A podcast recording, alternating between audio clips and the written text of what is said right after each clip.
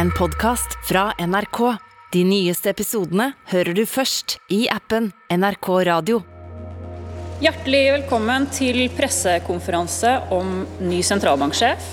Tidlig i februar kom endelig svaret alle hadde venta på.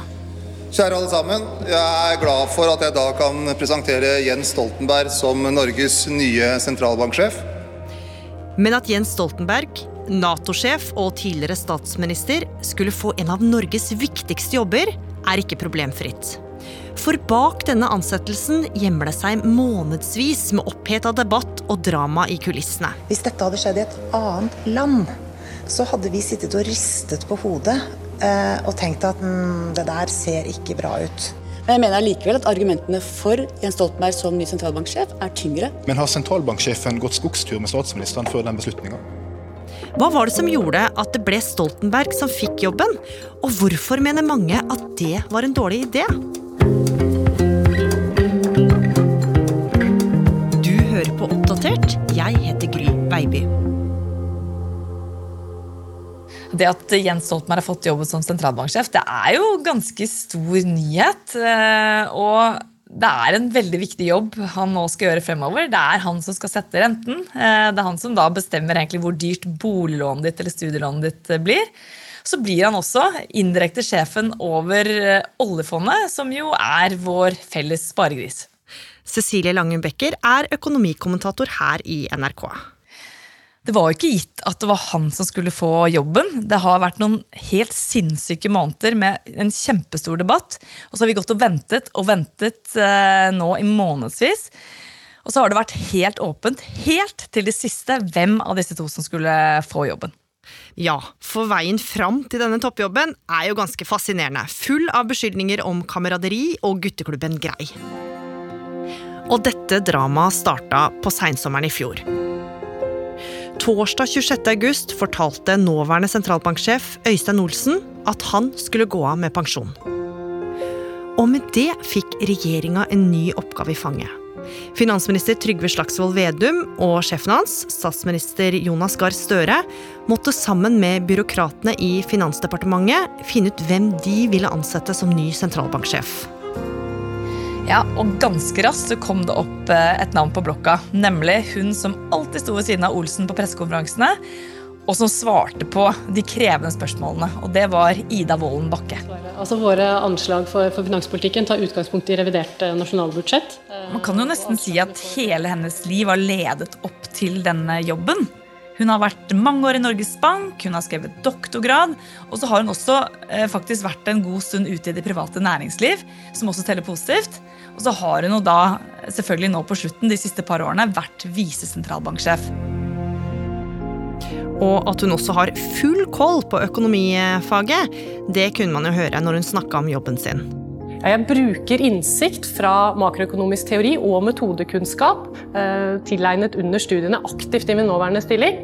Og fra tiden som makroanalytiker i Handelsbanken så har jeg med meg kunnskap om finansmarkedenes virkemåte, interesse for internasjonal økonomi og ikke minst erfaring fra å kommunisere med andre aktører og medier. Så blant økonomiekspertene så var det stor enighet om at Ida Wolden Bakke var den rette. Nå tenkte mange at Norge endelig skulle få sin første kvinnelige sentralbanksjef. Men det få visste, var at en helt spesiell person også hadde begynt å fatte interesse for toppjobben. En person vi kjenner godt til, Cecilie. Ja, for nede i Natos hovedkvarter i Brussel så satt Jens Stoltenberg. Og Der hadde han jo hatt en krevende internasjonal jobb. Den hadde han hatt siden 2014. Og så gikk jo dette åremålet snart ut i Nato. Og kanskje eh, skulle han flytte hjemover. Og da måtte han jo vel ha en jobb som kunne krone det som har vært en ganske lang og utrolig karriere.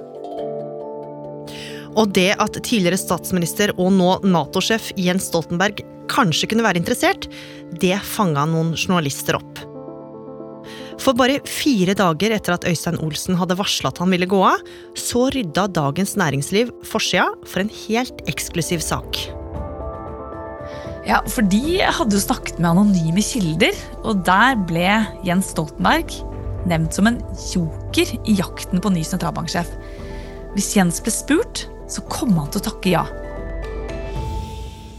Men Inntil videre så var jo dette bare rykter basert på anonyme kilder.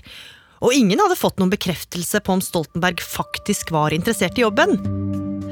Så det som skjedde da, var at en eh, VG-journalist ringte til Brussel og spurte Stoltenberg direkte. Og det svaret han ga da, det måtte man nesten kunne politikerspråket for å forstå. Ja, Han sa eh, jeg har sett spekulasjoner om det, men det er ikke noe jeg skal ta stilling til nå. Og Det er jo veldig kryptisk sagt, men han avviste det jo ikke. Og han kunne bare ha sagt nei. Og Derfor ble jo svaret av mange tolket nettopp som en bekreftelse på at dette var noe han vurderte. Mange mente jo at Jens Stoltenberg hadde satt ut en prøveballong for å sjekke hvordan dette ble mottatt i Norge. Og Det er vanskelig å se for seg at dette kom opp i norsk offentlighet sånn helt tilfeldig. Denne føleren, som mange mente at Jens Stoltenberg hadde satt ut med vilje, det funka jo, for folk begynte nå å se for seg Stoltenberg i sjefsstolen. Han hadde vært statsminister i åtte år og leda landet gjennom flere kriser, som 22. juli, og også finanskrisa i 2008. Og de seinere åra hadde han også imponert på internasjonalt toppnivå. Så derfor var det mange som nå begynte å tenke at det var en knallidé å velge ham. Altså, Det var jo skikkelig jubelstemning. Omtrent alle var jo positive til Jens. Både VG og Dagsavisen gikk sånn mer eller mindre velbegrunnet ut og mente at Jens han var den riktige personen. I åra framover så trenger vi en veldig tydelig og sterk sentralbanksjef som kan holde den Ap-ledede regjeringen i øra når det gjelder pengebruk. Han vil både ha tyngde inn i det politiske miljøet og også overfor folket, det norske folk kombinasjonen Jens Stoltenberg har, veldig god med tall, veldig god med mennesker, og nå også et internasjonalt nettverk, er eh, en veldig appellerende cocktail i utgangspunktet. Men ikke nok med det. Også fremtredende økonomer var skikkelig positive. For én sjefsøkonom omtalte Ida Wolden Bakke som den nest beste kandidaten. Mens en annen sa at Stoltenberg han hadde en pondus, altså en faglig tyngde, som de andre kandidatene ikke hadde. Jeg husker jo at jeg reagerte litt på akkurat det ordet der. Pondus. Har ikke en visesentralbanksjef med doktorgrad liksom pondus? Ja, for det var jo også mange som støtta Ida Wolden Bakke og mente at det var helt feil at en politiker bare skulle kunne spankulere inn med pondusen sin og danke ut en godt kvalifisert kvinne. Ja, for det begynte å bli diskutert dette med de politiske bindingene til Stoltenberg, som jo er en Arbeiderpartimann, og at en Arbeiderpartiregjering da skulle utrope en tidligere Arbeiderpartistatsminister som ny sentralbanksjef, det er ikke helt uproblematisk. Eh, og Derfor ble det en diskusjon eh, der det ble pekt på at det kunne være uheldig med tanke på sentralbankens uavhengighet. Mm. For det er jo viktig at en sentralbanksjef skal være politisk uavhengig. Altså at man skal kunne ta upopulære valg og bare tenke på hva som er best for økonomien på lang sikt. Og selv om Jens Stoltenberg er økonom i bunn, så har han jo jobba som politiker hele livet. Så flere var jo skeptiske. Ja, for når du setter renten, så må du kun gjøre det ut fra en økonomisk vurdering og ikke en politisk vurdering og hva som på en måte passer seg. Og Det har vi et kjempegodt eksempel på nå nylig. For i desember så satte Øystein Olsen, den nåværende sentralbanksjefen, opp renten selv om mange mente at det var utrolig umusikalsk av han. Vi var jo da midt inne i en ny nedstenging, og mange var permittert. Men han gjorde det ut fra en økonomisk vurdering. Det går såpass bra i norsk økonomi nå. Sånn at han tok en upopulær beslutning, og det er nettopp det sentralbanksjefer skal være. De skal være upopulære. Og mens denne debatten fortsatte å surre utover høsten, så skulle man jo snart komme et skritt nærmere en avklaring. For den 11. november så blei stillinga lyst ut. Og for folk flest så, så kanskje denne stillingsannonsen helt grei ut. Den var full av selvfølgeligheter som ønske om en sterk og samlende leder. Men for ditt trente øye, Cecilie, så var det noe du beit deg merke i. Noe som skilte seg fra de andre stillingsbeskrivelsene du hadde sett før. Ja, Vi hadde jo fått nyss i at uh, den skulle komme i løpet av dagen en morgen uh, da jeg var på kontoret. Og det første vi da gjorde, det var å finne frem de gamle stillingsutlysningene til denne jobben. Og da eh, stillingsutlysningen da omsider kom, så var det en del ord eh, satt med gul markeringstusj og gulet ut ord som, eh, som jeg tenkte var litt sånn særlig interessante. Og det var eh, bl.a. Eh, at man ønsker at kandidaten skulle ha internasjonal erfaring, eh, var god på krisehåndtering og også har relevant ledererfaring fra komplekse organisasjoner. Og når man ser alle disse ordene sammen, så var det mange som mente at eh, det kunne virke som at denne jobben og denne stillingsutlysningen omtrent var skreddersydd til Jens Stoltenberg, som jo på en måte sjekket alle disse boksene. Og flere spekulerte jo nå om dette var spesielt tilpassa Stoltenberg, men fortsatt var det jo ingen som hadde fått en bekreftelse på at han faktisk kom til å søke. Derfor var spenninga stor da det nærma seg midten av desember og søkelista skulle bli offentliggjort. Norge skal få en ny sentralbanksjef, og i dag ble det offentliggjort hvem som søker på stillingen. På lista sto 21 menn. Blant dem var studenter, pensjonister, en baker, en bussjåfør, en rørlegger og en lærling. Ja, også Nato-sjef Jens Stoltenberg. I tillegg har visesentralbanksjef Ida Wolden Bakke søkt. Altså to kandidater med reell mulighet til å få jobben. Og like etterpå gikk begge ut i media og fortalte at de var svært motivert for jobben. Kampen var i gang. Og fra Stortinget kom det nå høylytte reaksjoner på at Stoltenberg var en av kandidatene. Det ser ikke bra ut at eh, et knippe av samfunnets topposisjoner går til en gjeng med folk. Vi mener jo det at eh, det ikke vil være fornuftig. Det vil kunne stilles tvil ved hans uavhengighet, og dermed også ved sentralbankens uavhengighet. Det er eh, også velkjent at Stoltenberg er en god venn av statsminister Jonas Gahr Støre. Og reaksjonene kom fordi mange mente at det var uheldige bindinger mellom Stoltenberg og Støre. For i tillegg til å være venner på privaten, så hadde Stoltenberg også vært sjefen til Støre i Arbeiderpartiet. Så det mange lurte på nå, var om de to hadde snakka sammen, og på den måten jobba for Stoltenbergs kandidatur. Men dette nekta Støre for, Cecilie.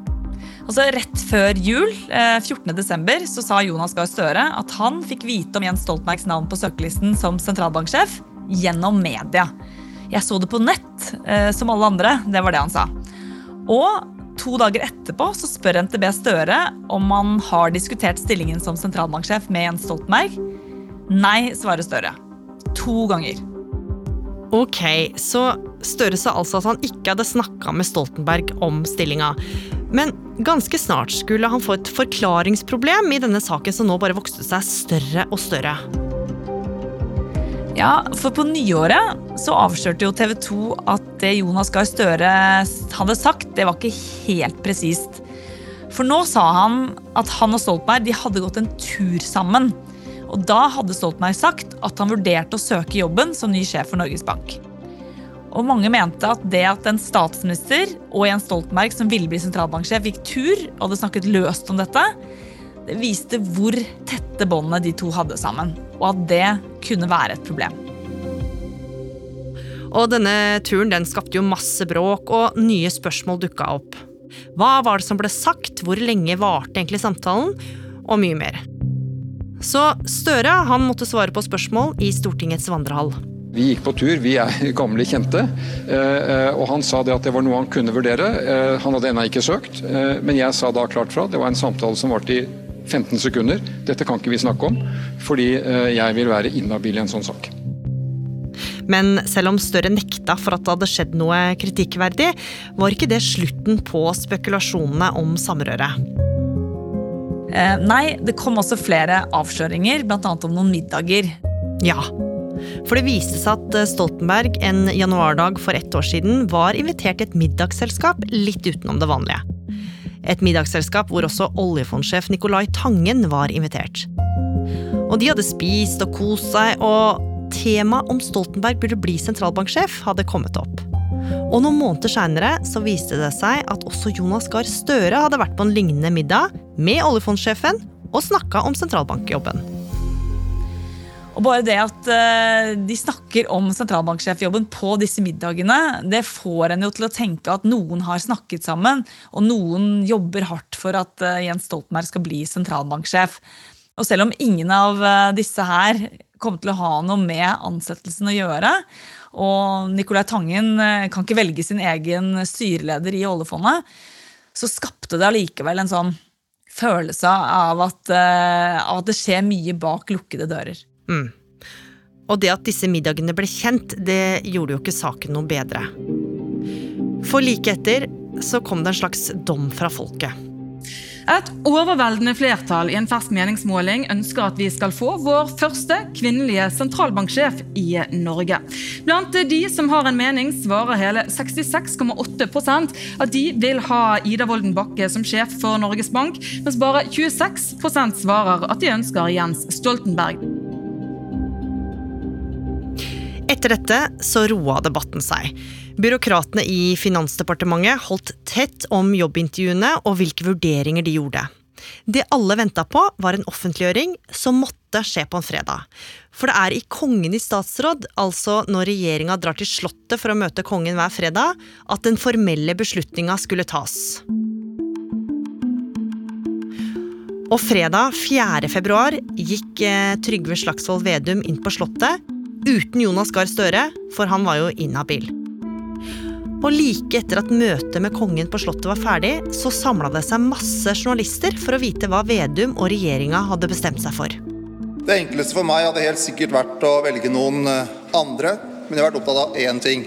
Å velge den som samla sett er best kvalifisert til å fylle rollen som ny sentralbanksjef for Norge. Etter en grundig prosess har jeg landa på at det er Jens Stoltenberg.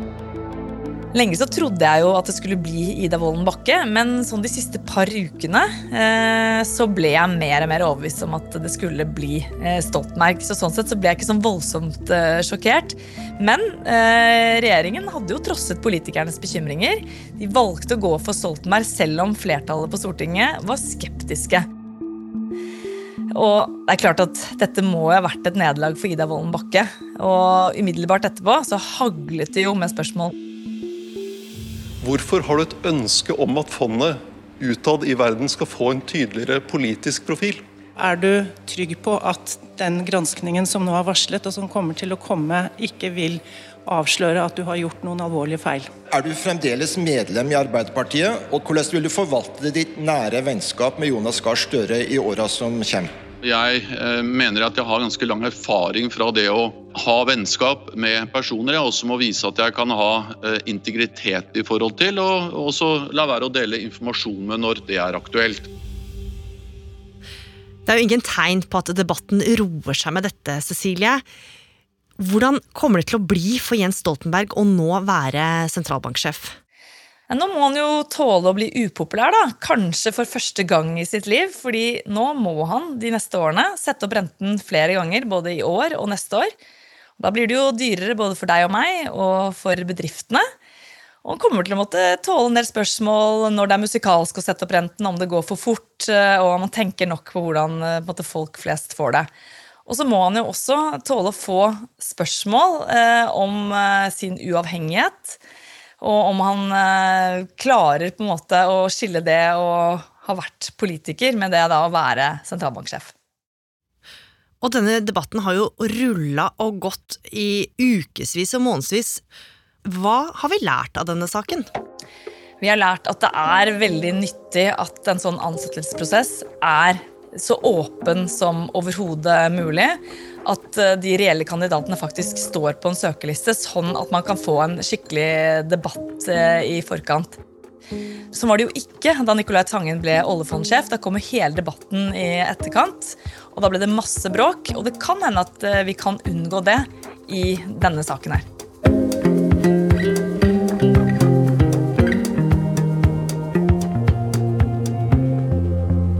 Oppdatert er en podkast fra NRK Nyheter.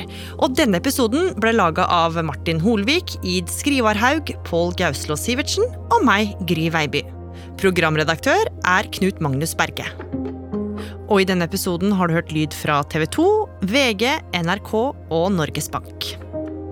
Og du, hvis du likte det du hørte, anbefales til en venn, da vel? Du har hørt en podkast fra NRK. De nyeste episodene hører du først i appen NRK Radio.